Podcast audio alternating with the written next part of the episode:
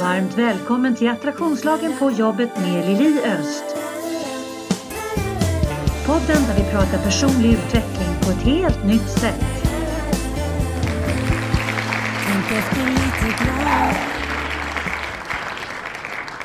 Varmt välkomna till Attraktionslagen på jobbet där jag blandar in attraktionslagen i våra yrkesdelar av livet. Inte bara som privatpersoner som jag gör i den podden som jag har drivit sedan 2018 som går då på onsdagarna.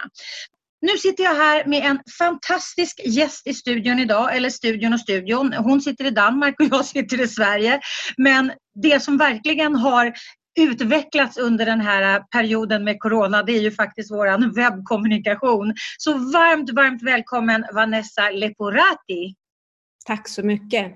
Vad härligt att se dig. Ja, tack detsamma. helt galet. Jag hade ingen aning om att jag kunde titta ända till Danmark. Ja, men det går alldeles utmärkt faktiskt. Eller hur? Du är ju en kollega till mig. Eh, vi är ju med i samma förening, Talarföreningen NSA. Ja. Och du jobbar ju precis som jag som föreläsare och du jobbar som coach och jobbar mycket med kommunikation. I grunden så, precis som du säger, jag är ute och föreläser mycket och eh, leder workshops. Jag är ute och, i organisationer och hjälper dem med eh, kommunikationen, både internt eh, mellan kollegor, alltså i team, men också mycket gentemot kund. Mm. En av mina spetskompetenser är retail, som ju just nu är en av branscherna som har det som tuffast. Eh, där jag hjälper företagen att kommunicera på ett bra sätt gentemot kunden, så att kundbemötandet blir mm. så bra som möjligt. Eller så bra som kunden faktiskt förtjänar den. Alltså en fantastiskt kundbemötande förtjänar ju kunden. Det är väldigt bra grund. Och du är initiativtagare, en av initiativtagarna och eh, sitter som ordförande på Stockholm Fashion District som är i Nackastrand. Ja. Och där kan jag tänka mig att det är lite körigt just nu med tanke på att retailbranschen är ju en av de väldigt drabbade branscherna. Ja, det måste man verkligen säga. Alltså, hela modebranschen lever ju av att eh, varorna köps av en slutkund. Så mm. retail är ju en av de största kanalerna, fysisk retail. Sen är det naturligtvis också e-handel. Och man kan väl säga att nu, eller fysiska detaljhandeln, står ju rätt stilla. Sverige är rätt förskonat trots allt. Det är fortfarande delvis öppet öppet och indikationen är att i de mindre städerna så, så finns det fortfarande en okej okay handel också därför att de som bor där verkligen stöttar. Eh, I de större städerna eh, där eh, ja, är det lite mindre att göra. Och sen så har ju också e-handeln faktiskt tappat väldigt mycket. Så det är inte så att bara för att vi sitter hemma så shoppar vi massor. Utan jag tror att det som händer just nu hos var och en av oss som konsumenter det är att vi vi blir som lite oroliga för vår ekonomi förstås. Mm, det, vi har ju aldrig varit med om en pandemi förut men största utmaningen för modebranschen just nu är ju likviditeten. Man har levererat ut massa varor, man får kanske inte betalt för dem i och med att det behandlas och sen kan man faktiskt inte leverera, leverera ut de nya varorna. Kunderna kan inte ta emot dem, många har stängt. Och många av de som är hos oss är ju varumärken som faktiskt verkar globalt. Alltså i Italien kan man ju verkligen inte leverera något eller i eh, USA eller i, i Spanien. Så att, eh, jag tror att Norden sakteligen kommer att komma igång tidigare kanske än, mm. än, än eh, resten av eh, världen på något ja, sätt. Precis. Ja, likviditeten den är naggad i kanten, mm. verkligen. Ja, jag förstår det. Låt oss mm. hoppas, hoppas det. Låt oss be verkligen för detta, tänker jag. Och alltså, apropå Italien, du är ju från Italien från början. Du kom ju hit som 12-åring. Mm. Och du kunde alltså inte ett ord svenska? Nej, men det är faktiskt lite spännande. Jag har svensk mamma eh, och italiensk pappa som inte lever längre, men han är med mig varje dag. Och, eh, jag är född i Florens magisk stad. och dit om ni inte har varit där ännu, fast kanske inte just nu. Nej, eh, Men, eh, och eh, min mamma jobbade rätt mycket och min pappa var inte så glad i att inte förstå vad vi sa. Därför så, ja, vi, min mamma lärde oss inte svenska helt enkelt. Utan eh, det var helt plötsligt så när jag var 12 att eh, det blev så att eh, jag, vi blev tvungna att flytta. Eller jag blev förskickad ett år innan. Men det som är coolt, man säger att det går en, en gräns, en, någon slags en brytgräns eh, vid 12 års ålder, att man kan lära sig språk väldigt snabbt. Och det kan jag säga att det kan man, för det tog tre månader och sen kunde jag prata flytande.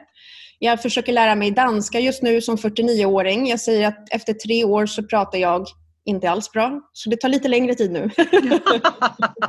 Med all rätt tänker jag. Men gud, ja. alltså, utmaning ändå att komma till ett helt nytt land precis i den åldern när man är 12, när mm. allting är wobbligt i alla fall. Liksom. Man går rakt in i, i tonåren och så vidare. Eh, mm. Så det måste ju ha varit en utmaning som heter duga. Och, och jag tänker att det kan väl vara det som ligger till grund för att du fick en sån fäbless för just kommunikation.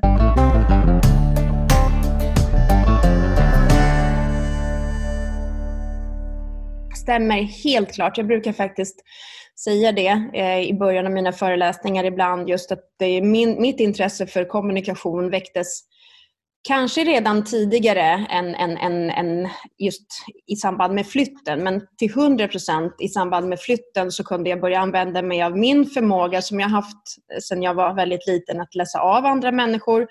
Och det här med att inte förstå vad någon säger och lära sig de nya sociala koderna. Jag eh, blev ju förskickad av min familj till min eh, moster som bodde i Sätra utanför Stockholm och hennes fantastiska familj är så enormt tacksam att de kunde tänka sig ha en 12-åring hemma i ett år innan min mamma och syster kom efter. Och då gick jag i skolan i någonting eh, som heter Björksätraskolan och eh, det var rätt tuff miljö faktiskt. Jag kom ju från en sån här lite militärisk miljö, för skolorna i Italien är ju sådär, man räcker upp handen, man ber om att få prata, man niar lärarna. Och så kom jag till Björksätraskolan där det var så här fötterna på bordet och läraren Britta var mest sjukskriven för hon var utbränd för att ingen lyssnade. Men en magisk eh, miljö trots allt eh, och jag är så tacksam över eh, att jag fick den möjligheten. För att jag, jag stormtrivdes i att, vad ska jag säga, simma mig in bland nya kulturkoder och nya människor. Mm. Och där, där tänker jag, det måste ju vara en enorm en enorm verktygslåda för dig som kommunikationsledare och, och, kommunikationscoach att ha de här, just den här variationen av sociala koder. För att eh, om man bara lever och verkar i ett land, vilket vi i och för sig väldigt sällan gör i dagens läge. Det är många som gör business med hela världen. Ja. Och, och, vissa, vissa länder som till exempel Kina eller Japan och så vidare, där måste man ju verkligen bli, bli eh, utbildad i vad är det för koder? För där kan man ju verkligen gå över strecket eller gå över gränsen fortare än ögat och så har, har man ingen aning om att man har gjort en fruktansvärt övertramp. Mm. Men jag tänker, om man tittar på Europa så är det ju liksom Ja, det är ju olika koder men det är inte riktigt lika strikta regler. Men om man tittar nu på vad som händer med när vi ska kommunicera, när vi inte kan kommunicera fysiskt just nu mm. och förmodligen kommer att få en reducerad fysisk kommunikation framåt eftersom mm. faktiskt eh, Moder Jord säger, vänta nu här, vi kan inte hålla på med utsläppen på det här sättet. Och det här pandemin kanske, ja men de visar ju nu att eh, det, det, är inte alls lika mycket utsläpp. Det, alltså det blir ju, det blir ju mm. naturligtvis positiva nat natur... Eh, konsekvenser. Ja. Konsekvenser, mm. precis. Vilket gör att vi kanske får ett, ett förändrat beteende när det gäller just att kommunicera. Och då har vi ju helt plötsligt en plattform där vi ska kommunicera bara som du och jag gör nu. Och här kommer ju vi missa massa koder. Ja. Det som är intressant är att eh, en av de största utmaningarna till vanliga vardagen innan den här pandemin, det var ju just det här men hur får vi alla engagerade på möten? Mm. Hur får vi alla att äh, ärligt säga vad de tycker på möten? Hur får vi alla att äh, på riktigt förbereda sig till möten? Så det är klart att utmaningen blir ju ännu större nu. Mm. Och då skulle jag vilja säga så här att äh, när jag är ute och jobbar, jag tycker det är så spännande. Jag brukar ju som bli lätt förälskad i de bolagen jag samarbetar med. Hur ska jag förklara det? Jag tycker att det är en gåva att få jobba med det jag gör för min del för att jag får lära känna människor på djupet, jag får lära känna bolag på djupet och få en förståelse för deras visioner, strategier. Och jag har förmånen att ibland också få vara den här jobbiga personen och som kommer in och, och kanske pekar på saker som ja, men som de som är i organisationen inte vågar påtala för att man vågar inte vara för besvärlig i organisationen. Men som konsult så kan man vara besvärlig. Mm. Visst är det härligt? Ja, det är härligt. Det är, det är i alla fall eh, besvärlig och ärlig men ödmjuk och respektfull. Mm. Så självklart. Så, så det jag tänker att största utmaningen här det är verkligen att få människorna att hålla fokus för att samtidigt som vi ska jobba så finns det också en inre rädsla. Alltså det, här, det är trots allt en pandemi som pågår så att jag har i alla fall pratat med många företagsledare som också kan bli lite irriterade på sina anställda och säger så här, ah, nu är den så stressad för att den ska till jobbet och är så orolig för att bli smittad och det har vi inte tid med. Och, eh, och det jag verkligen har fått påtala, men vänta lite, bara för att du inte är orolig så behöver det inte betyda att den personen du pratar om inte är det. Du måste acceptera att alla agerar olika i stress och press och inför faktiskt någonting som vi inte riktigt vet vad det är. Med det sagt så är det ju trots allt så att om man fortfarande jobbar eller om man är permitterad och fortfarande får en del av sin lön och ska jobba en viss del så ska man ju fortfarande ge sitt allra bästa. Mm. Och det är därför jag eh, faktiskt då har skrivit en helt ny föreläsning som jag har smörjat, börjat släppa men som jag tänker att gå ut helt eh, när det här är över som heter Törnrosa-effekten. Du lyssnar på Attraktionslagen på jobbet. Podden som utmanar gamla sanningar och inspirerar till nya tankegångar. Vad ska jag säga? Den beskriver ett beteende som vi människor har och det är absolut speciellt nu, men om vi tittar på tiden innan den här perioden men också tiden nu, eh, så handlar Törnroseffekten om varför gör vi människor inte det vi ska, trots att vi vet vad det är vi egentligen borde göra. Mm. Och eh, I vanliga fall när jag är ute och föreläser så brukar jag säga det att eh, när jag kanske coachar ett helt team och sen så mm, får jag då veta att nej men det finns vissa arbetsuppgifter man inte tycker själv är viktiga eller att eh, man tycker att chefen är så irriterande så bestraffar man genom att inte göra det man ska. Alltså det är så många olika saker som spelar in. Eller man tror inte på sig själv och därför vågar man inte ta tag i vissa saker. Att eh, Törnroseffekten handlar om varför, alltså alla de saker vi väljer att inte göra eh, som påverkar vår egna personliga utveckling mm. men även ett företags utveckling de har en enorm effekt. Ja, det är eh, klart. och de stoppar ju upp energin och de stoppar upp utvecklingen. Både för ens person men också för ett bolag. Eh, och titta på grunderna till varför. För jag tycker att det oftast är så, i alla fall när jag blir inringd, så är det så här, ja men kom och fixa det här då. Få folk att göra som de ska. Men man har kanske tagit in många olika föreläsare genom åren eh, och så får man en quick fix eh, och sen så återgår alla till samma beteende. Så mm. jag är väldigt nyfiken att titta på det så här. Hur kan vi göra? Vad är de bakomliggande faktorerna till det här beteendet och vad kan vi verkligen göra åt dem? Och anledningen till att jag är så nyfiken på det, det är att jag själv i vissa faktorer i mitt liv eller i vissa perioder har varit en så kallad törnrosa. Jag har liksom myntat det här begreppet. Jag har verkligen tänkt så här, men det finns inget namn på eh, alla oss som ibland inte gör som vi ska, då, trots att vi vet vad vi borde göra. Så vad, vad ska man heta då? Och Törnrosa hon, hon var ju där i dvala. Liksom. Ja, men precis. Det är det många som lever i dvala. Det är, en bra, det är en bra metafor. Det är en jättebra metafor. Och sen är det så, ja men eh, det är ju häxans fel att man är i dvala, eller hur? Vad är häxan? Jo, men det är det dåliga CRM-systemet eller den otydliga chefen eller eh, de eh, irriterande kollegorna eller de jobbiga kunderna. Eller, eh, man kan skylla på rätt mycket, men jag önskar att man tittar inåt och är mm. ärlig mot själv och tittar, okej, okay, men vad, vad är det som ligger till grund för mitt törnrosande? Och sen så, så tänker vi alltid så här, ah, men bara vi fick det där nya CRM-systemet eller bara jag fick en bättre chef. Och, så, och det är prinsen då, då som vi går och drömmer om. Mm. Medan det ju faktiskt är så, och det är ju inget nytt uh, i det, utan att uh, vi har ju häxan och prinsen på våra axlar. Vi är allting. Vi är både Törnrosa, häxan och prinsen. Det, är liksom, det, det, kommer ingen annan som, som, som tar oss ur den situationen vi är i. Och då är det ju så att det krävs en större möjlighet till att vara sårbar och ärlig på arbetsplatsen. Mm, mm. Det. För då kan vi verkligen gå in och titta på, okej, okay, men vad behöver du? Så ska man kunna vara ärlig och säga, men jo, jag är, känner mig inte tillräckligt bra på det här och det här. Bara jag får förkovra mig i det så kommer jag att börja göra de här sakerna. Eller nej, jag är egentligen rädd för den där kollegan för att när vi pratar så känns det så här. Alltså det går att lösa situationer så himla lätt.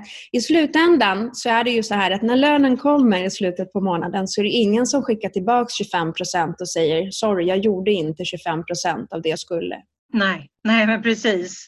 Det är en väldigt, väldigt bra beskrivning av människans, eh, av människans beteende överhuvudtaget. Det var jätte, jätte, jättebra. Jag är ju så metaforgalen så att jag älskar ju metaforer så det här blev en superbra metafor verkligen. Och jag lovar, om jag någon gång använder så ska jag hänvisa till dig om jag får berätta det för att den är så bra. Den är jättebra. Och om jag tittar på när jag, hur jag jobbar med företag och hur jag jobbar överhuvudtaget med mina klienter så handlar det ju väl, alltså det handlar till 100% om det egna ansvaret.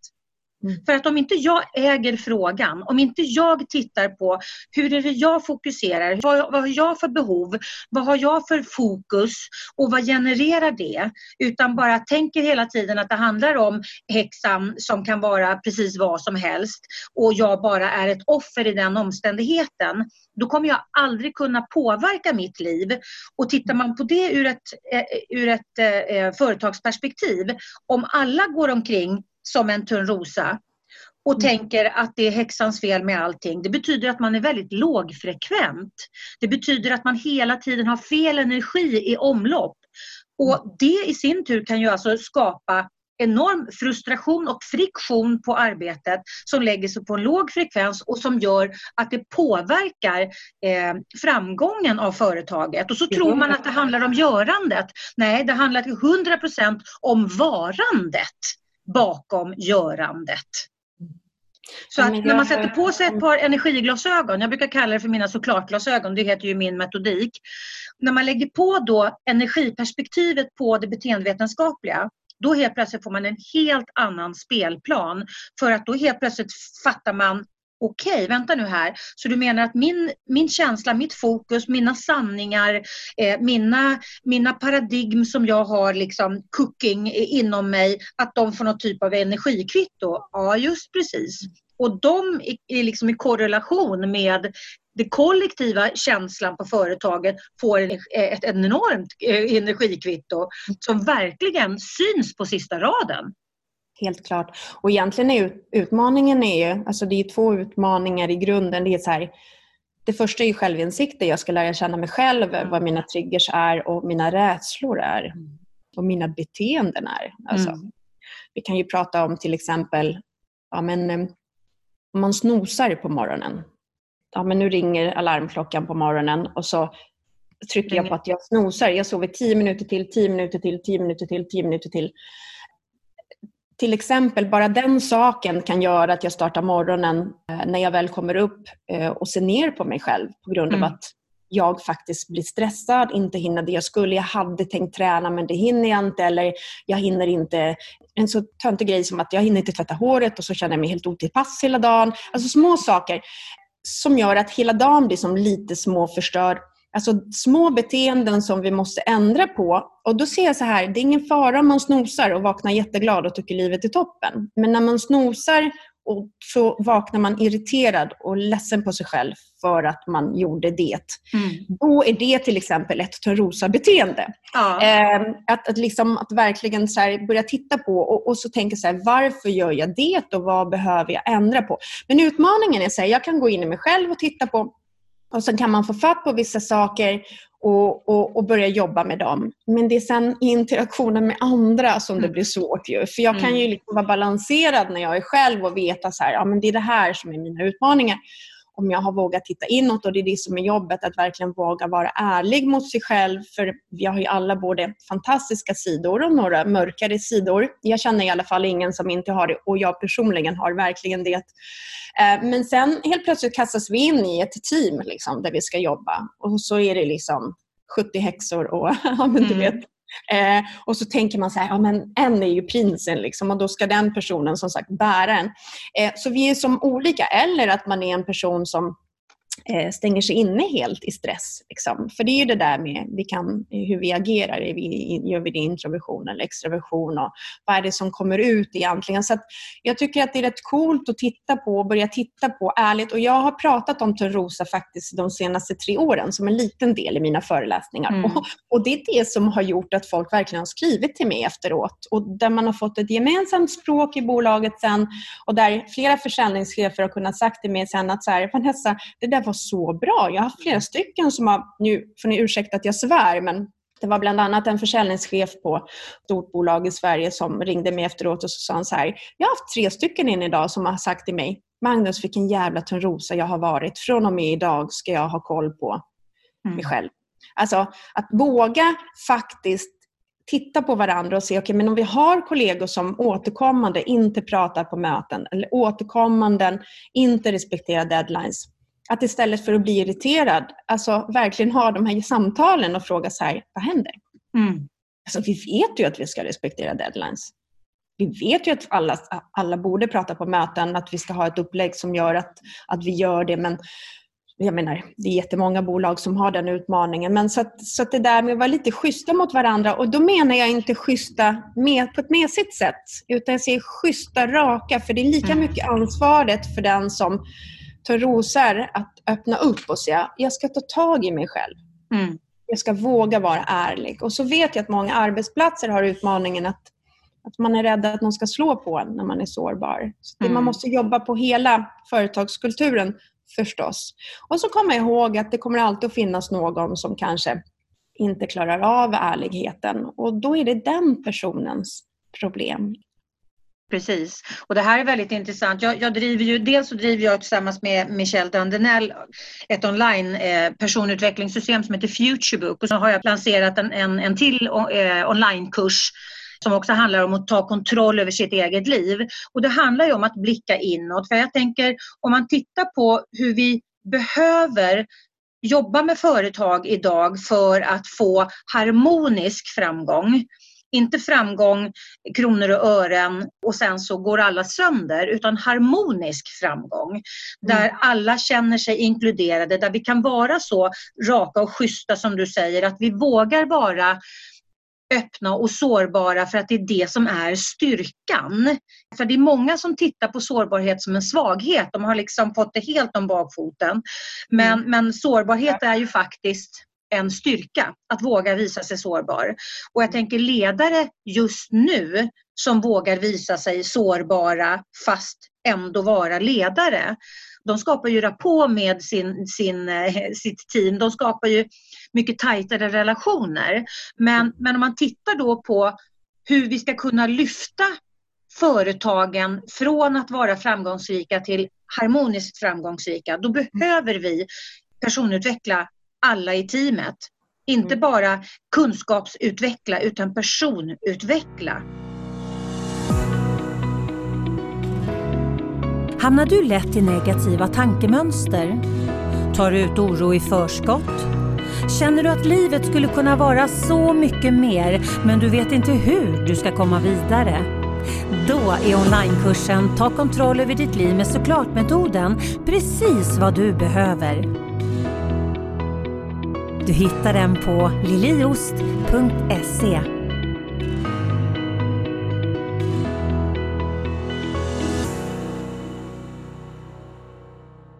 För att det är så många människor som inte har någon koll på vad går mina gränser? Vad är mina behov? Eh, alltså vad behöver jag för att kunna vara min bästa människa? Och har jag ingen koll på vad jag behöver för att kunna verka i min fulla potential, då kan jag inte verka min fulla potential. Och då vill jag fylla i där och säga så här, jag kallar mig själv för en late bloomer, apropå det där med att ha koll på så här, hur, ska jag, hur, kom, hur är jag i mitt bästa potential. Att för alla som lyssnar som tänker så här, det vet inte jag, men det vet inte jag heller. Jag bara vet att eh, om man går omkring med en sån känsla som jag har, och det är att jag utnyttjar inte mitt fullaste potential, så ska mm. man fortsätta att jobba med sig själv. Mm. För att det är ju något magiskt i att faktiskt, och det är det som gör, apropå det där med självkänsla ju, som man ändå som är ändå viktigt att prata om, att, att små, små steg gör skillnad. Det är ju egentligen genom att, att eh, bevisa för sig själv att man kan som självkänslan byggs på. Mm. Och det är små saker, det kan vara snosandet, att mm. jag faktiskt klarar av att sluta snosa. Eh, eller att jag klarar av att prata på mötet. Spelar ingen roll hur andra reagerar, jag gjorde det. Mm. Och utan att slå på sig själv efteråt. Ja, eller jag klarade av att säga till en kollega att vet du vad, när du pratar på det sättet till mig så gör det faktiskt att jag låser mig.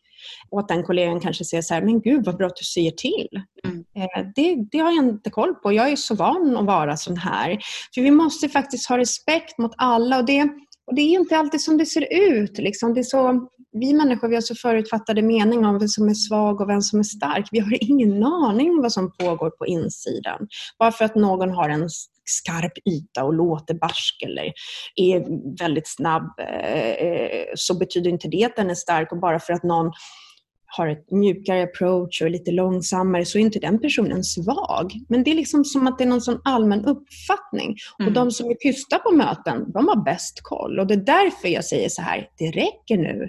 Ta ansvar. Jag anser att varenda en som säger ja till en anställning är med att utveckla bolaget framåt. Från städerska till VD. Och jag anser att om man tackar ja till en anställning så ska man se till, så ska man ta den pucken. Det är business vi håller på med. Det ska vara harmoniskt alla gånger, men det är business. Mm.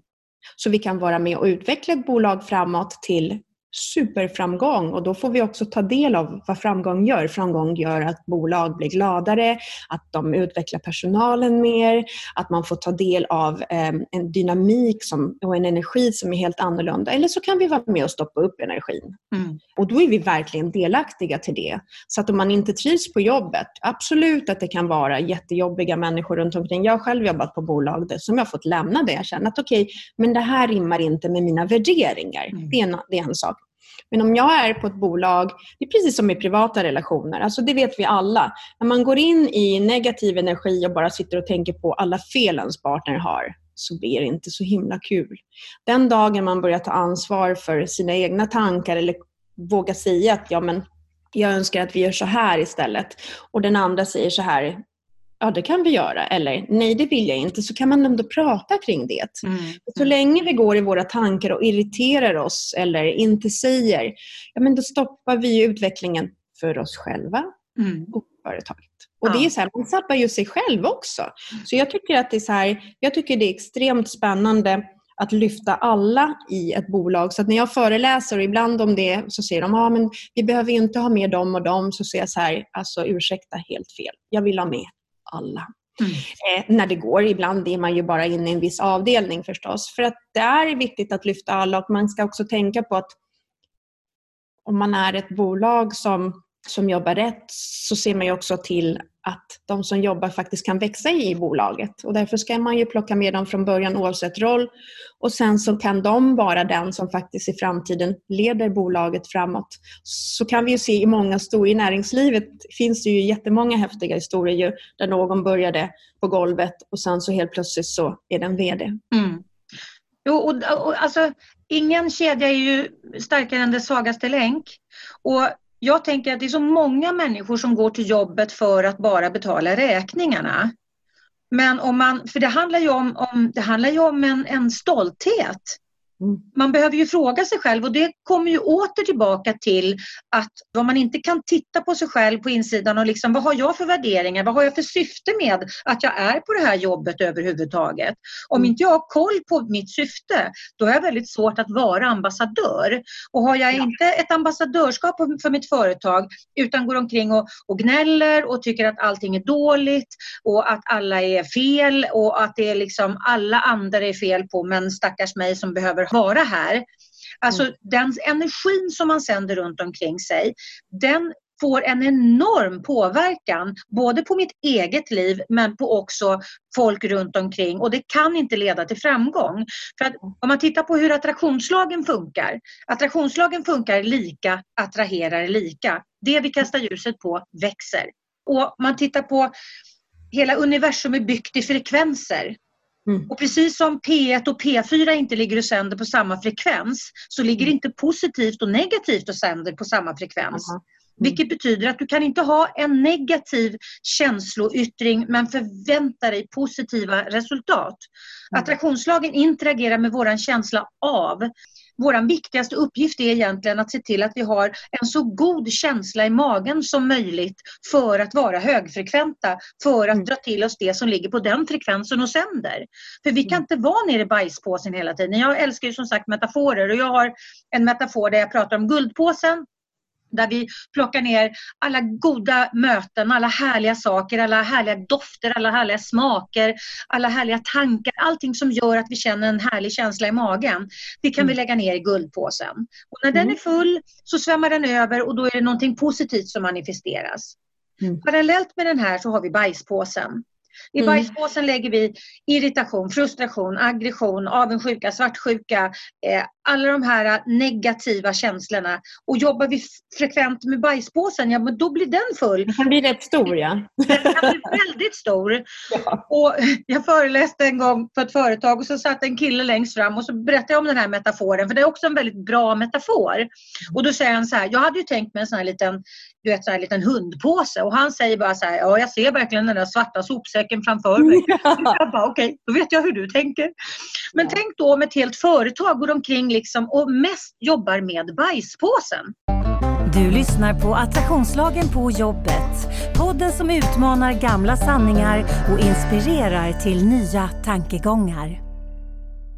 Och grejen är ju den att om jag, om jag liksom om man ska titta på några av eh, dynamikerna i oss människor då, alltså, och, och som sagt med respekt för att vi alla verkligen är olika. Om du tänker på energier är ju en sak och energier påverkas ju också av vad vi gör förstås. Mm. För att, menar, vi vet ju alla egentligen att när man har tränat eller ätit en god måltid eller haft ett skönt samtal med en vän eller sin partner så är man ju glad. Liksom. Mm. Så vet vi att oh, när vi är stressade över saker vi inte hinner med så påverkar det oss väldigt negativt. Man kan ju verkligen gå och, eh, och, och harma och stressa över det. Mm. Eh, eller vi har haft ett dåligt samtal när vi lägger på luren och känner så här, ah, det här känns inte bra. Eh, och, och, när jag tittar på det här med törnrosandet så så finns det ju ett antal olika saker. Det är ju förstås rädsla som spelar in. Det är dålig självkänsla bland annat. Och någonting som spelar väldigt stor roll i törnrosandet är uppskjutande beteendet, alltså prokrastineringen. Mm. Och den är jag rätt intresserad av eh, att titta på. Eh, för att trots att det finns väldigt många som inte har det beteendet så finns det också väldigt många som har det beteendet men man pratar rätt sällan om den. Eh, vad är det som gör att, eh, att jag skjuter saker framför mig? Det, det finns en, en, en superduktig eh, psykolog i Sverige som heter Alexander Rosenthal eh, som eh, eh har skrivit en bok som heter Dansa på deadline. Som handlar just, det är en hel bok som handlar om grunderna till prokrastineringen. Och, eh, jag vet att eh, om man i team är ett antal superdoers som jobbar tillsammans med några som har uppskjutande beteendet i sig så kan man ju faktiskt bli lite irriterad på sina kollegor och säga så oh, de förstår, varför gör de inte det? Det är väl bara att göra.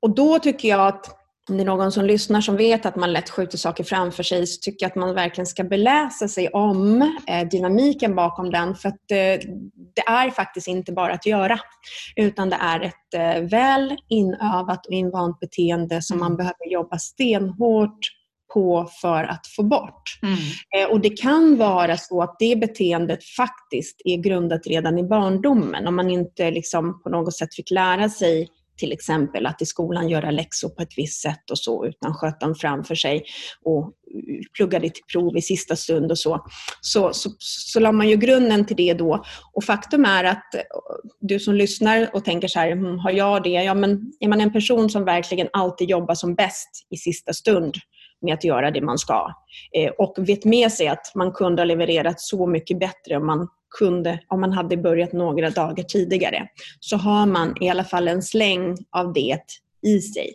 Mm, mm. Eh, och det kan ju vara privat också, att man vet att man borde, eh, inte vet jag, rensa garaget eller eh, träna. Eh, eller, prokrastineringen kan faktiskt verkligen påverka hela ens liv. Tänk på, jag börjar spara på min pension imorgon och plötsligt så är man 60. Liksom. Mm. Alltså, det, det, det, kan påverka högt och lågt, alltså det beror på hur mycket man har av den. Så det tittar jag mycket på eh, faktiskt. Och, eh, och jag tror att var och en av oss har en släng av det, men några av oss har mycket mer av det. Och då är det viktigt att prata om det på företag och hjälpa den som har det beteendet. Och det får ju enorma konsekven konsekvenser tänker jag. Och framförallt då om man har ett företag där man inte har som kultur att kunna ta ner garden och prata om de sakerna som eh, behöver utvecklas på ett personligt plan. Ja. Och det handlar inte om att, att, eh, att man ska sitta hos chefen och få en pekpinne utan det handlar ju någonstans om att hela teamet om hela teamet är villigt att bära varandra och sig själv, då blir det ju på ett helt annat sätt för att då utvecklar vi ju både oss själva och varandra. Men att man inte är rädda för att ja, men vi har alla våra mörka sidor, vi har alla våra sidor som vi behöver bli bättre på. Jag brukar mm. säga att om man har som intention i en relation, oavsett vad det är för relation, om, man, om båda parter har intentionen att landa väl, då blir ju mm. dialogen på ett helt annat plan. Ja. än att man hamnar liksom i, i bara så här, eh, clinch situationer där någon ska vinna hela ja. tiden. Och om man skulle ta bort den här vinst skatten i företaget och, och, och, faktiskt om hela teamet bestämde sig för att nej men alltså våran avsikt med allt vi säger, allt vi gör, jag tar ansvar, jag tar mitt ansvar för att jag ska jacka i det här löftet vi ger till varandra. Vad jag än säger och hur jag än säger och vad jag än gör så är det för att jag vill oss väl. Mm. Mm. Om man skulle kunna komma dithän då tror mm. jag att vi skulle kunna skapa en, en, harmonisk, eh, en harmonisk framgång på ett helt annat sätt. För vi vågar, vi vågar utvecklas som människor medan vi är ambassadörer och brinner för att, att, liksom, att göra det här företaget framgångsrikt. På min hemsida liliost.se hittar du massor av matnyttig information både för dig som privatperson såväl som för er som företag. Du hittar mina onlinekurser och vad som är på gång och aktuellt just nu. Du kan köpa mina böcker och få dem signerade och du hittar min musik, bland annat vignettmusiken till podden.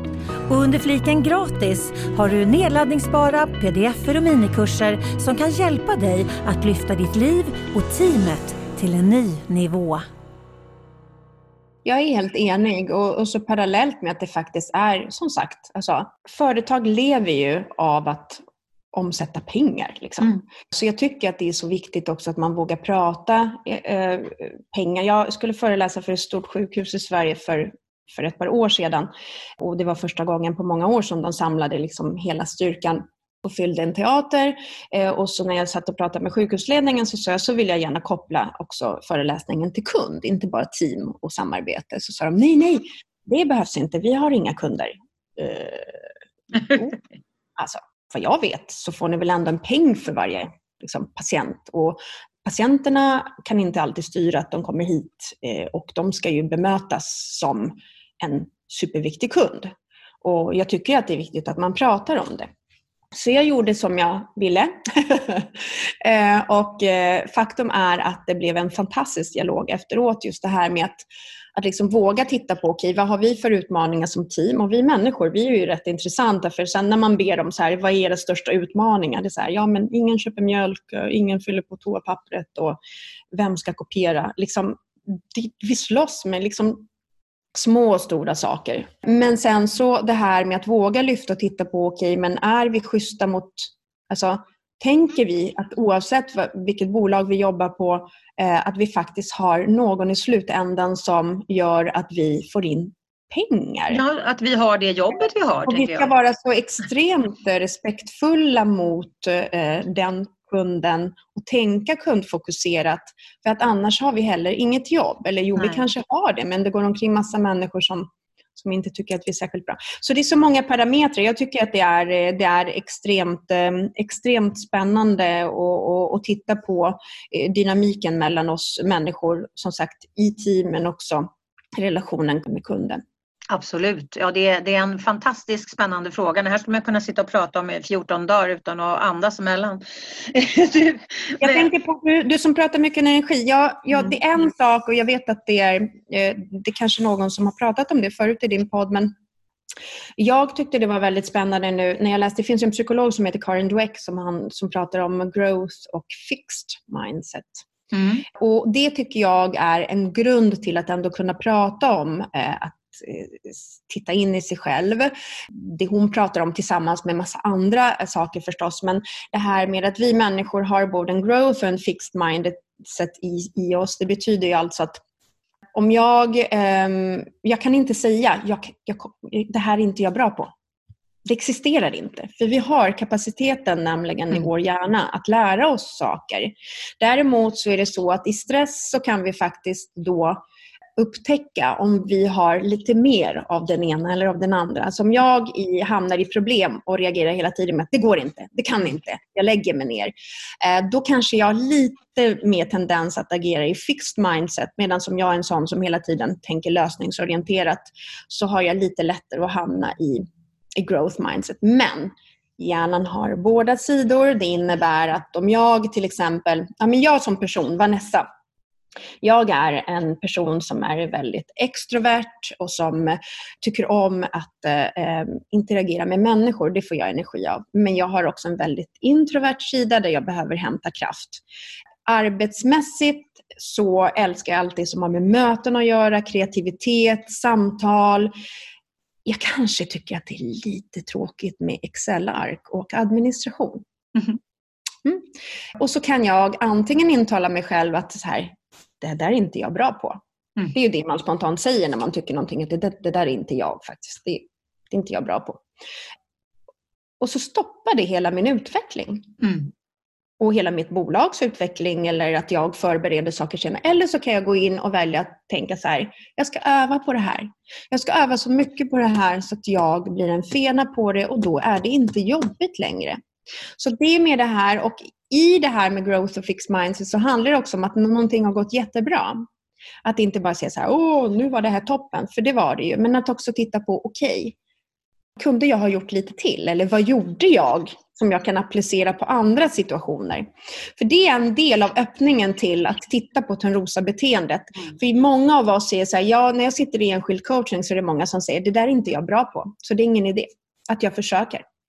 Och det är det som sabbar för oss människor. Du stöter väl också på det jättemycket? Absolut. Ja, ja, ja, absolut. Det har vi alla till mans i oss, eller hur? Jag brukar dra ett exemplet att när jag var liten så gick jag i sån här eh, gymnastik, alltså stå på händer, kullerbytta och allt det där. Jag och min syster gick. Jag har en äldre syster, hon är tre år äldre. Min syster har en sån kropp som är skapt för den typen av gymnastik. Jag behövde öva lite mer. Men jag hann gå tre gånger och sen kommer, när min mamma hämtar mig, så säger den här gymnastikläraren, så att jag hör, säger han så här, hon behöver inte komma tillbaka, säger han. Hon är verkligen inte skapt för det här. Och jag har gått omkring med en kroppsuppfattning hela livet mm. om att jag är så här, men jag är klumpig. Behöver du hjälp att sortera i ditt liv? Läs mer på liliost.se Medan idag så vet jag att men om jag bara hade lagt ner de där hundra timmarna på mm, att mm. göra kullerbyttor, men jag kanske inte hade kommit till OS då. Men jag hade inte känt mig klumpig mer. Nej, nej. Att det, det, är så här, ibland är det på vägen någon som har sabbat för oss, som mm. har talat om att ja, men det här är inte du bra på. Och ibland, och väldigt ofta, är det ju vi själva Absolut. Ibland är det en kollega eller en chef, mm. ibland är det någon lärare, men ibland så fortsätter vi liksom det där snacket, det där interna snacket. Mm, mm. Och det kan ju verkligen förstöra för oss. Jag brukar, säga, jag brukar prata just om det här med, med vinnande koncept och icke vinnande koncept. För att mm. alla de här sakerna som funkar, som vi, liksom, som vi får flow i, som, som är lätta och så vidare. De, de gör vi och så tänker vi inte på vad vi gör, för vi bara förväntar oss att det här kommer gå bra, för det brukar brukar gå bra. Och, och, när vi har en, en, positiv förväntan då går det ju oftast bra och när vi tänker att det är enkelt så är det oftast enkelt. Det handlar ju om liksom att det, det jag talar om för min hjärna så jobbar den liksom okej, okay, um, okay, det här är en enkel pryl och den här funkar alltid bra. Då vet vi hur vi ska förhålla oss till det. Och så jobbar hjärnan på det sättet. Men om vi hela tiden talar om att vi inte är bra på det här, vi inte kan det och så vidare, då får ju hjärnan samma information. Okej, okay, vi kan inte det här så därför kommer det här bli svårt. Om man tittar på förväntningar för mm. förväntningar, vi interagerar med biofältet utanför oss själva med mm. våra förväntningar. Så förväntar vi oss att det ska bli svårt och hårt så blir det det för att det är det vi sänder ut och det är det vi pingar tillbaka. Mm. Så ju mer vi blir medvetna om att, precis som du säger, att, att titta på saker oavsett ur ett möjlighetsperspektiv. Och ordet inte finns inte. Det finns inga negationer varken i vårt undermedvetna eller ute i universum. Vilket betyder att det finns bara vårt fokus. Mm. Och har vi då fokus på att vi inte kan, att det inte går och så vidare så är det ju liksom, det, det handlar inte om att man tar bort ordet inte och sen så går det utan det handlar om känslan bakom ordet inte. Och känslan av bak, eh, orden när man säger jag kan inte, det är den känslan som ligger bakom som mm. stoppar upp alltihopa. Mm. För den är liksom, okej okay, det är en done deal, det här går inte att titta på överhuvudtaget. Det är återvändsgränd.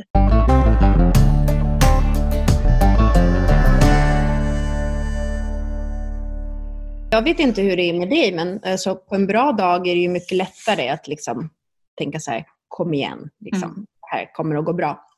Men har man en dålig dag så är det ju lätt att backa in i att ah, det är ingen idé. Mm. Eh, och det är ju det där med att öva upp förmågan. Mm.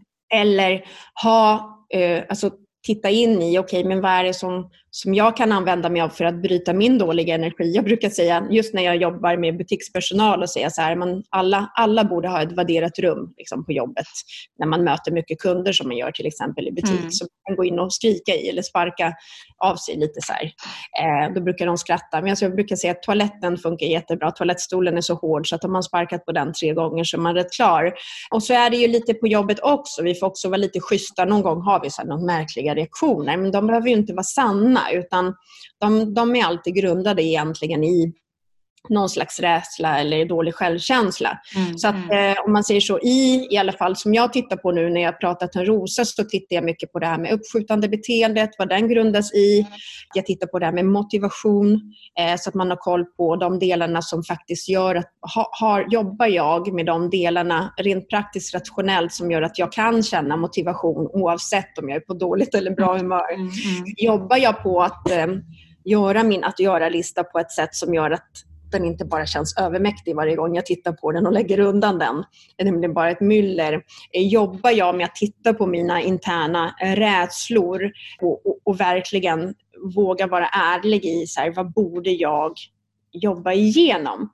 Så det, det, det är många saker vi behöver ha fatt i men jag tycker att det är coolt för jag tycker så här, det går att göra. Mm. Eh, det går att göra saker åt allting faktiskt. Um, eller åt det mesta då, för jag har full respekt för att Sen att det finns situationer som är jättetuffa eller om man har, alltså att man i tillägg har kanske en, en, en, en, en ja, andra saker som spelar in som en, en depression eller någonting annat. Mm. Eh, och då ska man ju naturligtvis söka en annan typ av hjälp. Men, men, men annars så ska vi ta ansvar för att vi, både för vår egen skull och eh, företagets skull faktiskt, eh, Absolut. framåt. Mm. För att du ska känna dig inspirerad att fortsätta följa podden ser hösten lite annorlunda ut. Varannan vecka blir det till exempel poddar både onsdag och fredag. I fredagsavsnitten bjuder jag in gäster och vi pratar attraktionslagen på jobbet.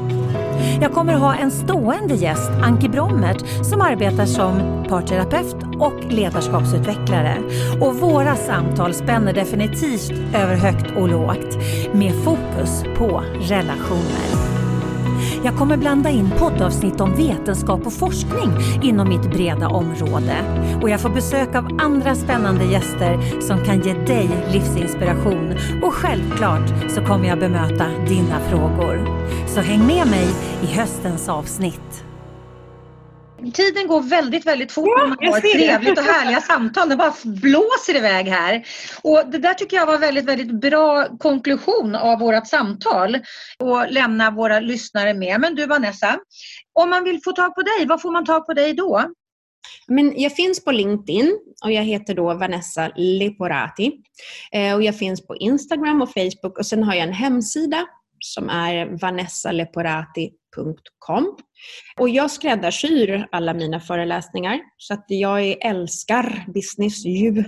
Så att jag djupdyker i företagets eh, nuläge och, eh, och sen så skapar vi tillsammans om det är en eller tre timmar eller en hel dag eller flera insatser som verkligen gör skillnad. Jag vill göra skillnad. Mm.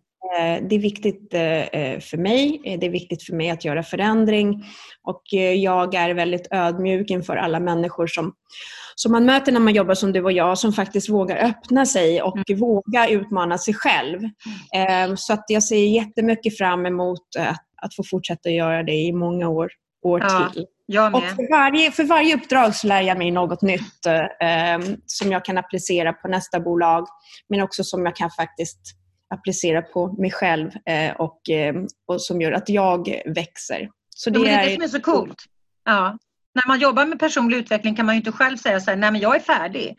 Nu ska vi utveckla er andra. Jag är, liksom, jag är färdig. Jag är, är helt som jag ska. Utan det man är, är ju i process precis hela tiden. Och det är ju det som är någonstans förblessen med att jobba med det här arbetet som vi har. Att faktiskt få ynnesten att vara i ständig utveckling. Man kan väl säga så här att eh, det är vår hela tiden hos oss människor. Vi, vi blommar och blommar och blommar Mm. och så blir det höst någon gång och så får man ta sig ur det. Det Mm. borde vara vår ständigt. Absolut. Ja. Precis, där slutar vi för idag. Låt oss alla ha våren inom oss. Det är bra. Tack, tack, tack snälla Lilly. Jag är så glad. Jag sa det inte i början för jag, blev, tänkte inte på det. Men jag är så tacksam över att jag får vara med i din podd. Jag beundrar vad det. kul, vad glad jag är. Jag är också väldigt, väldigt tacksam för att du ville vara med i min podd. Och tack snälla du som lyssnar och varmt, varmt välkommen tillbaka näst, nästa fredag och naturligtvis till varje onsdag när Attraktionslagen 2.0 också går, men mer kanske då personlig inriktning. Stort tack Vanessa. Ha det gott! Hej alla. Hej. Du har lyssnat på podden Attraktionslagen på jobbet. Podden som utmanar gamla sanningar och inspirerar till nya tankegångar. Tänk efter lite grann. Hur har du det omkring dig nu? Är du nöjd? Är du nöjd med det du har? Var är du Har du funderat på att ta ett annorlunda kliv? Känner du som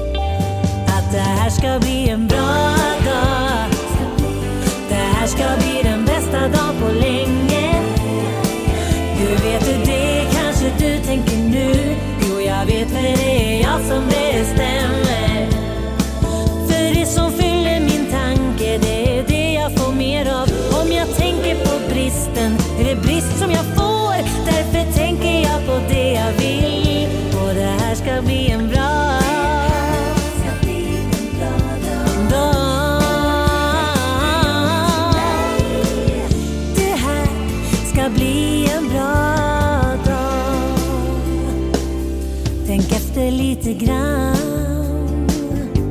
Vad är det som du tänker på